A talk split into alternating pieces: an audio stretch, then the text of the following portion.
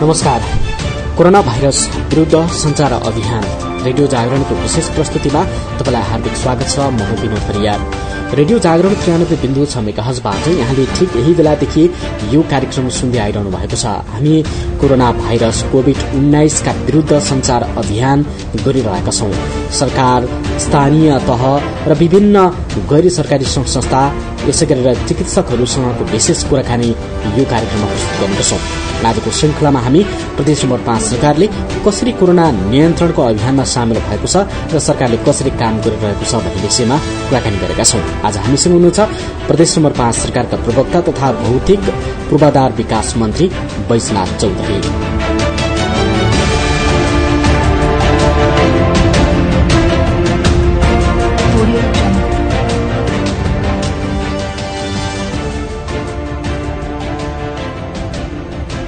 मन्त्रीज्यू यहाँलाई स्वागत छ। ल धन्यवाद छ। अहिले प्रदेश नम्बर पाँच सरकारले कोरोना नियन्त्रणको सवालमा चाहिँ पछिल्लो चरणमा के कस्ता कामहरू गरिरहेछ? अब चारवटा आइसोलेसन अस्पताल स्थापना गर्ने कुरा गरे। अब चारवटामा अब बेल्ट मिलाएर अब जस्तै लुम्बिनी प्रादेशिक अस्पताल बुटवल एउटा भीम अस्पताल भैरवाद दोस्रो भयो। त्यो केन्द्रीय आयुर्वेद विद्यापीठ बेलझुन्डी दाङ र चौथो चाहिँ सुशील कोइराला पर्खर क्यान्सर अस्पताल खजुरा बाँके। यसरी चारवटा आइसोलेसन अस्पतालको लागि चारजना मन्त्रीलाई नै अब संयोजक बनाएर खटाउने काम गरेको थियो मन्त्री परिषदले। र जसमध्ये अब लुम्बिनी प्रादेशिक अस्पतालको अब संयोजक उद्योग पर्यटन वन तथा वातावरण मन्त्री स्वयं हुनुहुन्छ। र त्यस्तै भीम अस्पताल भैरवाको संयोजक सामाजिक विकास मन्त्री नै हुनुहुन्छ। र त्यस्तै केन्द्रीय आयुर्वेद विद्यापीठ बेलझुन्डी तुलसीपुर दाङको संयोजक चाहिँ आन्तरिक मामला तथा कानुन मन्त्री हुनुहुन्छ। र त्यस्तै सुशील कोइराला पर्खर क्यान्सर अस्पताल खजुरा पाकेको चाहिँ संयोजक म छु। यसरी चारजना मन्त्रीको संयोजकमा चारवटा समिति बनाएर यो खास गरेर आइसोलेसन अस्पतालको स्थापना सञ्चालन र व्यवस्थापनको लागि चाहिँ अब एउटा हाई लेभलको एउटा समिति बनेको थियो। र त्यो समितिको तत्त अस्पतालमा बैठक बसेर अहिले चाहिँ चारवटै अस्पतालमा भेन्टिलेटर र यो मोनिटर सहितको आइसियु र केही आइसोलेसन बेड समेत स्थापना गरेर अहिले चारवटै अस्पताल चाहिँ सञ्चालनको हिसाबले तयारी अवस्थामा रहेको छ। उपचारको हिसाबले मन्त्रीज्यू अहिले प्रदेश सरकारले चारवटा विशेष अस्पताल तयारी अवस्थामा राख्यो भनेर यहाँले जानकारी गराउनु भयो अन्य अस्पतालहरूलाई पनि यहाँहरूले आइसोलेसन त बनाउनु भएको छ। अब यो हुँदै गर्दाखेरिमा अहिलेसम्म कोरोना सङ्क्रमित कुनै पनि बिरामी नदेखिएको स्थितिमा त स्थिति सामान्य होला। यदि त्यो पोजिटिभ अथवा सङ्क्रमित कोही भेटियो भने त्यसको उपचारका निम्ति अरू खालका तयारीहरू सरकारको तर्फबाट के भइराखेको छ? होइन अब पहिलो नम्बर त अब यो आइसोलेसन अस्पतालको स्थापना नै ठुलो कुरो हो। किन भन्दा अहिलेसम्म त एकजना पनि बिरामी फेला पर्नु भएको छैन। भोलि अब बिरामीको सङ्ख्या फेला पर्ने र त्यो आउटब्रस्ट हुने र एकदम त्यो एउटा गुणात्मक हिसाबले वृद्धि हुँदै जाने हो भने सामाजिक रूपमा प्रदेश सरकारले पहिले तयारी गर्नुपर्छ भन्ने हिसाबले नै हामीले तयारी गरेका हौँ। र अब यसको लागि अब आवश्यक जनशक्ति जस्तै अब डाक्टर नर्स र हेल्थ वर्कर स्विपरदेखि लिएर यो सबैको व्यवस्थापन चाहिँ भइसकेको छ। र हामी कस्तो तयारीमा छौँ भने अब बिरामी आउन साथ त्यो पालो पालो गरेर चाहिँ अब डाक्टर नर्स र हेल्थ वर्करहरूले अब त्यो काम ड्युटीमा खट्ने र ड्युटीमा त्यो कोरोनाको बिरामी छोइसके पछाडि कोरोना पोजिटिभ भएको बिरामी भनौँ न उपचारको क्रममा आइसके पछाडि सम्बन्धित डाक्टर नर्सहरू घर जान पाइँदैन अथवा अरूसँग बस्न पाइँदैन त्यसो भए हुनाले उहाँहरूलाई हामीले अब आइसोलेसन हिसाबले नै बस्ने व्यवस्था पनि हामीले गरेका छौँ खाने व्यवस्था पनि गरेका छौँ। अब चारवटै अस्पतालको लागि अब त्यो व्यवस्था भइसकेको छ। त्यो सबैलाई हामीले घर जान दिन मिल्दैन। त्यसो भएको हुनाले उहाँहरूलाई छुट्टै आइसोलेसन एउटा होटलमा अथवा भनौँ न क्याटरिङ गरेर अथवा केही व्यवस्था गरेर भए पनि उहाँहरूलाई छुट्टै राख्नुपर्ने हुन्छ। र जति बेलासम्म त्यो अब भनौँ न कोरोनाका बिरामीहरू सबै जिरोमा झर्दैनन् त्यति बेलासम्म त हामीले व्यवस्था गर्नुपर्छ र यो सबभन्दा ठुलो चुनौतीको विषय यही नै छ र यो चाहिँ हामीले अब त्यो तयारी अवस्थामा छौँ र सँगसँगै चाहिँ अब ल्याबको लागि हामीले एउटा अब गाउँपाली अनुसन्धान केन्द्रभित्र एउटा ल्याब त्यस पछाडि अर्को ल्याब राप्ती स्वास्थ्य विज्ञान प्रतिष्ठानभित्र अर्को ल्याब अर्को भेरी अञ्चल अस्पतालभित्र अर्को ल्याब तिनवटा पिसिआर मेसिन सहितको ल्याब चाहिँ जडान गर्ने काम गरिएको छ। तर त्यो त्यसले अहिलेसम्म काम किन गर्न सकेका छैन भने त्यसलाई चाहिने रिएजेन्ट जुन केन्द्रीय सरकारले पठाउनु पर्ने हो त्यो रिएजेन्ट नभएको कारणले गर्दाखेरि अरू सबै कुरा भइसकेको छ। खालि त्यो रिएजेन्ट नभइकन अब त्यो कार्य सञ्चालनमा आउँदैन। र यो यसको लेखापढी पनि हामीले अब केन्द्रलाई पठाइसकेका छौँ। र त्यो बाहिर किन्न पनि पाइँदैन बाहिरबाट त्यो व्यवस्था पनि हुँदैन। त्यो सरकारले नै गर्नुपर्ने हुन्छ र त्यो त्यसो भएको हुनाले चाहिँ अब यो काम केन्द्रीय सरकारको जिम्मामा रहेको छ र अहिलेसम्म केन्द्र सरकारले त्यो उपलब्ध गराइ नसकेको कारणले गर्दाखेरि हामीलाई अप्ठ्यारो भइरहेको छ। दाङ र बाँके दाङ र बाँकेको निम्ति असहज परिस्थिति भयो। यो भैरुवाको त अहिले परीक्षण भइरहेकै छ। सानो मात्रामा परीक्षण भइरहेको छ अझै ठुलो स्केलमा हुन चाहिँ सकेका छैन भन्ने हो तपाईँको हजुर हजुर हजुर कोरोना सङ्क्रमितहरूको सङ्ख्या हेर्दाखेरिमा त्यो सुदूरपश्चिम पनि प्रभावित भएको देखिएको छ। दुई नम्बर प्रदेश तिन नम्बर प्रदेश चार नम्बर प्रदेश पनि त्यो अवस्थामा देखिरहँदाखेरिमा। अब यो प्रदेशलाई अझै सुरक्षित बनाउने हिसाबले यहाँ सरकारको तर्फबाट अरू ढङ्गको तयारीहरू जस्तो उपचार कोष पनि यहाँहरूले बनाउनु भएको छ। त्यसमा पनि रकम आउने क्रम त जारी नै छ। यो बाहेक पनि अरू ढङ्गको तयारीहरू यहाँहरूले के के गरिरहनु भएको छ? अब अरू त सबभन्दा ठुलो कुरो भनेको लकडाउन गर्ने कुरा नै हो र अब यो खास गरेर हामीले डर के छ भने प्रदेश नम्बर पाँच चाहिँ इन्डियाको बोर्डर अलि लामै बोर्डर पर्दो रहेछ। राजापुरदेखि लिएर अब त्रिवेणी सुस्तासम्मको त्यो लामो दूरी इन्डियाको बोर्डर भएको हुनाले त्यो मेन नाकाबाट भन्दा पनि अब फरक ठाउँबाट पनि मान्छे भित्रिने जुन एउटा अवस्था छ अब यसलाई कडाइका साथ चाहिँ हामीले प्रमुख जिल्ला अधिकारी र सुरक्षा निकायलाई प्रदेश सरकारको तर्फबाट हामीले भनि पनि सकेका छौँ कि कुनै पनि मानेमा कुनै पनि स्थानबाट लुकी छिपी भए पनि कोही पनि मान्छे आउनु हुँदैन र। र आएका जति मान्छेहरू छन् तिनलाई सबैलाई क्वारेन्टाइनमा मात्रै राखेर चौध दिन क्वारेन्टाइनमा राखेर तिनका लास्टमा क्वारेन्टाइनबाट विदा गर्दाखेरि रगत भनौँ न तिनको स्वाद टेस्ट गरेर मात्रै पठाउने भन्ने खालको हामीले त्यो तयारी गरेका छौँ। ताकि कतैबाट पनि सीमा नाकाको कडाई त्यति गर्न सकिएन लुकीछिपी आउने क्रम जारी नै रह्यो यो नियन्त्रण भएन भन्ने गुनासो छ त। होइन त्यसलाई अब हामी कडाइका साथ नै अब कार्यान्वयन गरिरहेका छौँ।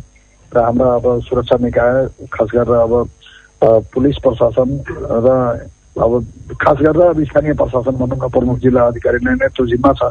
र उहाँहरूले अब कडाइका साथ त्यसलाई गरी पनि राख्नु भएको भन्ने रिपोर्ट हामीले पाइरहेका छौँ। क्याबिनेटबाट एउटा निर्णय गरेका छन् त्यो भनेको के हो भन्दाखेरि एक सय नौवटै पालिकालाई केही राहत अब जस्तै अब उहाँहरूले आफ्नै हिसाबले पनि क्वारेन्टाइन बनाउनु भयो।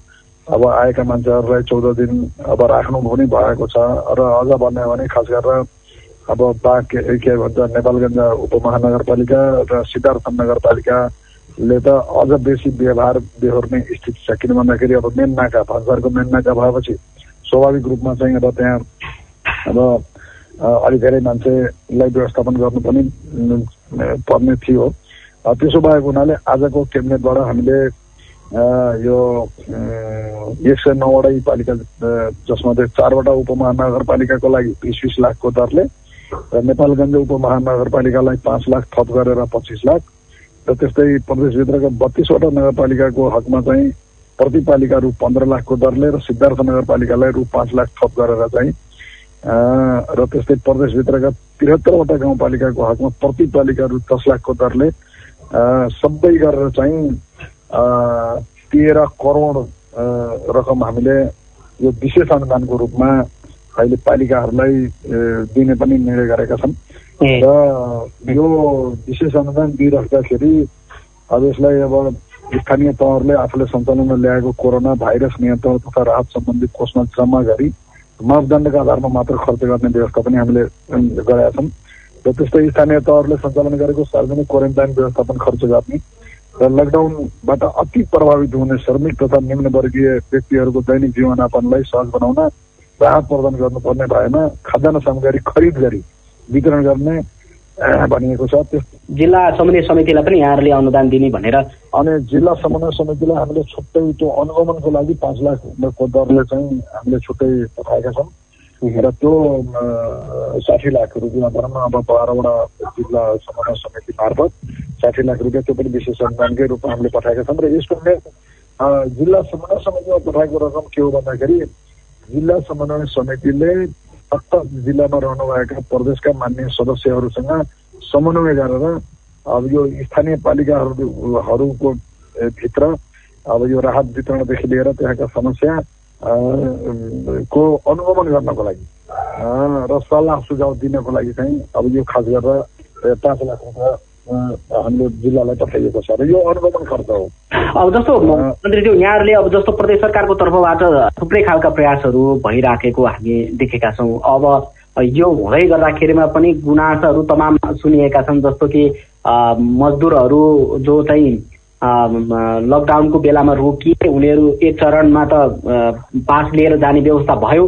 त्यस पछाडि पनि अहिले पनि आजको दिनमा पनि बुटोल हुँदै अथवा पूर्व पश्चिम राजमार्ग हुँदै उहाँहरू हिँड्दै पश्चिमतर्फ लागिरहनु भएको छ। उहाँहरू चाहिँ संयुक्त पैदल हिँडिरहनु भएको छ। यसले एकातिर असुरक्षा बढाइरहेको छ भने अर्कोतर्फ ती मजदुरहरूको घाँसको व्यवस्थालाई पनि अलिक जटिल स्थिति देखिरहेको छ हालमा। यसलाई सहज बनाउने हिसाबले प्रदेश सरकारले के सोचिराखेको छ? स्वाभाविक रूपमा चाहिँ अब के छ भन्दाखेरि पाँच नम्बर भित्र रहेका मजदुरहरूको त हामीले सुरुमै लकडाउन हुने बित्तिकै चाहिँ हामीले केही व्यवस्था गरेर हौ तिनीहरूलाई हामीले पहिले योभन्दा अगाडिको क्याबिनेटबाट पनि के गरेका थियौँ भन्दा सम्बन्धित कन्ट्र्याक्टर वा भनौँ न जसले मजदुर सञ्चालन गरिरहेको छ तिनीहरूले नै गाडीको व्यवस्था गर्ने र प्रमुख जिल्ला अधिकारीले पासको व्यवस्था गरिदिने र उहाँहरूलाई गन्तव्यसम्म पुर्याइदिने भनेर हामीले सुरुमै त्यो व्यवस्था गरिसक्यौँ र मलाई लाग्छ पाँच नम्बर प्रदेशभित्रका त्यस्ता निर्माण व्यवसायी आदि इत्यादि र त्यस्तै उद्योगी जसले चाहिँ भनौँ न अहिले अब उद्योग सञ्चालन नहुने अवस्थामा आउँदाखेरि आफ्ना आफ्ना श्रमिकहरूलाई चाहिँ गन्तव्यसम्म पुर्याउने व्यवस्था हामीले त्यति बेला गऱ्यौँ तर अब भयो के भन्दा अब यो पाँच नम्बर प्रदेशको अब भनौँ न बर्दघाटदेखि लिएर कर्णाली चिसापानीसम्मको जुन हाइवे हो. अब यो हाइवेमा त अब कैलालीका मान्छे पनि हिँड्छन् अब अथवा भनौँ न कञ्चनपुर कैलालीतिर रहेका पूर्वतिरका मान्छे पनि हिँड्छन् अब त्यसरी चाहिँ यो जति पनि अहिले बाटामा देखिरहेका मान्छेहरू छन् त्यो चाहिँ पाँच नम्बर प्रदेशसँग रिलेटेड भन्दा पनि अन्य प्रदेशतिरबाट कोही काठमाडौँबाट कोही इटारीबाट कोही अब भनौँ न अब काभ्रेबाट कोही धादिङबाट कोही नारायणघाटबाट हिँडेर आउने स्थिति चाहिँ देखा परिरहेको छ र यसलाई अब स्वाभाविक रूपमा स्थानीय तहहरूले र केही धार्मिक सङ्घ संस्थाहरूले अब बाटोमा भात खुलाउने एउटा मानवीय हिसाबले अब उहाँहरूलाई खाना खुलाउने रेस्ट गराउने सामाजिक दूरी कायम राख्दै अब यो मानवीय हिसाबले मानवीय हिसाबको सहयोग देखिया छ कि? अब उनीहरूलाई गन्तव्यमा पुर्याउन कठिन एउटा पाटो देखियो। त्यसले असुरक्षित पनि बनाएको हो कि? भन्ने खालको कुराहरू आइराखेको छ। अब यसलाई सहजीकरण गर्न सक्ने तत्कालको कुनै उपाय त्यस्तो सरकारले सोचेको छैन त्यो। अब त्यो त अब यो निरन्तर अखण्ड चल्ने प्रक्रिया भएको हुनाले अब हामीले प्रदेशले मात्रै यो गरेर हुँदैन यसको लागि केन्द्रले नै पोलिसी बनाउनु पर्छ। किन भन्दाखेरि अब काठमाडौँबाट मान्छे थपाइदिएपछि अब ती कहाँ जाने? कि अब काठमाडौँमै अब राखेर अब सबभन्दा धेरै अब भनौँ न श्रमिकहरू अब काम गर्ने थलो भनेको काठमाडौँ हो त्यहाँ अब अलिक धेरै यो निर्माण मजदुरहरू अब त्यहाँ रहेको अवस्था हामीले बुझिरहेछौँ। अब त्यहीँका त्यहीँ नै भनौँ न अब खाने बस्ने व्यवस्था गरिदिने भने त मान्छे कोही पनि हिँड्दै हिँड्दैन त्यसो भएको हुनाले चाहिँ हामीले अहिले आजको केन्द्रद्वारा मेरो गरेको कारण पनि के भन्दाखेरि अब यो चाहिँ सबै एक सय नौवटै पालिकालाई तेह्र करोड पैसा भनेको धेरै पैसा हो। तेह्र करोड रकम चाहिँ हामीले सबै पालिकाहरूलाई अब पठाउनुको अर्थ के हो भन्दाखेरि उहाँहरूले यस्ता खालका जो साँच्चै नै अब जो विपन्न हुनुहुन्छ अब जो अहिले काम नपाएर अब जो फेरि काम गरेर खानुपर्ने स्थिति जो जसको हो र काम नपाउँदाखेरि अब चुलो जल्ने जसको स्थिति छैन अब उहाँहरूलाई पनि पालिकाको तर्फबाट चाहिँ केही राहत पुगोस् भन्ने हिसाबले किनभने प्रदेश आफैले अब आफ्नो मेसनरी लगाएर अथवा वितरण गर्न सम्भव पनि छैन। त्यसो भएको हुनाले हामीले विशेष अनुदानको रूपमा चाहिँ अहिले अब पालिकाहरूलाई पठाउने काम गरेका छौँ र अब रह्यो अब सवाल अब बाटामा हिँड्नेहरूको व्यवस्था अब कसरी गर्ने भन्ने कुरा यो मानवीय कुरा हो र स्वतस्फूर्त ढङ्गले सम्बन्धित पालिका अथवा सम्बन्धित भनौँ न एरिया जुन एरियामा उहाँहरू हिँडिराख्नु भएको छ अथवा बसिराख्नु भएको छ उहाँहरू अलिक जिम्मेवारी लिनु पर्यो भन्ने भनाइ हो। त्यो कुरो त्यो कुरो त अब त्यो भइरहेको छ। अब मानवीय हिसाबले पनि अचम्म कानुनमा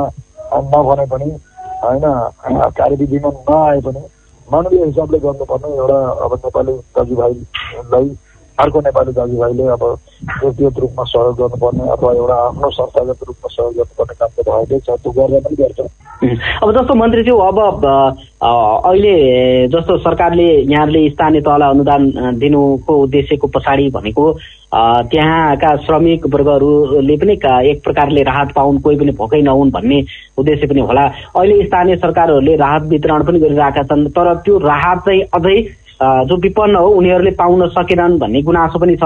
यसको निम्ति चाहिँ यहाँहरूको तर्फबाट स्थानीय तहलाई कुनै त्यस्तो निर्देशन अथवा के छ? छ छ त्यसमा अब सामाजिक मन्त्रालयले कार्यविधि बनाएर पठाइसकेको छ। हाम्रो कस्तालाई दिने भन्ने खालको कुरो त्यो त्यो एउटा क्राइटेरिया नबनाइकन त अब जो पनि मलाई पनि चाहियो राहत भन्ने हिसाबले अब अब त्यसरी सबैलाई राहत पाएन राहत भनेको त के हो भन्दाखेरि एकदमै अति विपन्न अशक्त अथवा अब कुनै पनि हालतले अब भनौँ न राज्यको तर्फबाट सहयोग नपाउँदा अब बाँच्न पनि नसक्ने अवस्थालाई मध्यनजर गरेर यो हामीले छोटो रकम सानो रकम एउटा विशेष अनुदानको रूपमा पठाएको। यो सबै होल अडचालिस लाख जनतालाई यो मानेर त सम्भव हुँदैन। यो भनौँ न प्रदेश नम्बर पाँचमा त्यसो भएको हुनाले चाहिँ यसको एउटा क्राइटेरिया बनाउने भनेकै छौँ हामीले। छिमेकी देशमा कतिपय सीमामै रोकिरहनु भएको छ। ल त्यही सीमाकै क्वारेन्टाइनमा बस्नु भएको नेपालीहरूको हकमा चाहिँ के हुन्छ मन्त्रीज्यू? होइन त्यो त अब दुइटै सरकारले अब कुराकानी अब भएको छ दुइटा सरकारको बिचमा। उता फँसेका जतिलाई उताकाले भनौँ न भारतले नै अब राखेर अब खुवाइदिया गर्ने यता भएकालाई यताकाले व्यवस्था गर्ने भन्ने कुरो लकडाउन नखुल्दासम्म स्थिति उहाँहरू त्यो त गर्नै पर्यो त्यो त लकडाउनको मतलबै त्यही त हो भने सबैलाई सबैलाई अब रेगुलर हिसाबले छोड्दै जाने लकडाउनको के अर्थ रहेर स्वाभाविक रूपमा लकडाउन आउँदाखेरि अब केही समस्या छ। अब केहीलाई अलिकता भनौँ न जुन मानवीय हिसाबले नै अब सहयोग गर्नुपर्ने अवस्था त हामीले गरेकै छौँ गर्न पनि पर्छ तर अप्ठ्यारो त हुन्छ नि अब यसलाई त सबैले सहनु पर्ने नै हुन्छ अब हामी कुराकानीको अन्तिममा पनि छौँ छौँ मन्त्रीज्यू अब तपाईँले आफूले पनि यो लकडाउनलाई पालना गर्नेदेखि लिएर कोरोनाको भाइरस आम विश्वमा एउटा चुनौतीको रूपमा खडा भइरहेको यो सवालमा यो भाइरस विरुद्ध लड्नको निम्ति के कसरी चाहिँ आम नागरिकहरूले पनि साथ दिनु पर्ला के आग्रह गर्नु? अब अब नेपाल सरकार प्रदेश सरकार र स्थानीय सरकारहरूले विभिन्न मितिमा विभिन्न निर्णयहरू अब गरिरहेकै छन्। अब आज पनि हामीले अब त्यसैलाई मध्यनजर गरेर नै आज क्याबिनेट बसेर निर्णय गरेका छौँ र यो परिस्थिति जस्तो जस्तो आउँछ त्यसलाई सामना गर्दै र जनताको यो लकडाउनको बिचमा पनि जनताको जीवनयापन अब कष्टकर नहोस् भन्नको लागि बिच बिचमा हामीले निर्णय गर्ने गरेकै छौँ। केन्द्रले पनि गरेका छ प्रदेशले गरेका छ स्थानीयले गरेका छ र त्यो निर्णयलाई सबै जनताले मानिदिनुपर्छ। अब निर्णय मान्दैन अब भनेर अब बाटामा अहिले आउने स्थिति होइन त्यो लकडाउनको स्थितिमा। त्यसो भएको हुनाले सरकारले गरेका निर्णयलाई अब मान्दै अब सामाजिक दूरी कायम राख्दै अब यसका भनौँ न मान्छेबाट मान्छेमा सर्ने जुन चिज हो त्यसबाट सबैले आफू पनि बचौँ र अर्कालाई पनि बच्न दिउँ भन्ने भावनाको विकास हुनुपर्छ भन्ने लाग्छ। र यसमा सबैले यो सरकारमा भएको मात्रै दायित्व होइन कि? यो सबैको सबै नागरिकको उत्तिकै दायित्व हो भन्ने मलाई लाग्छ र सबैले सहयोग गर्नुपर्छ। हस् यहाँले निकै महत्त्वपूर्ण समय दिनुभयो। यसको लागि यहाँलाई रेडियो जागरणको तर्फबाट धेरै धेरै धन्यवाद छ मन्त्री। ल धन्यवाद छ र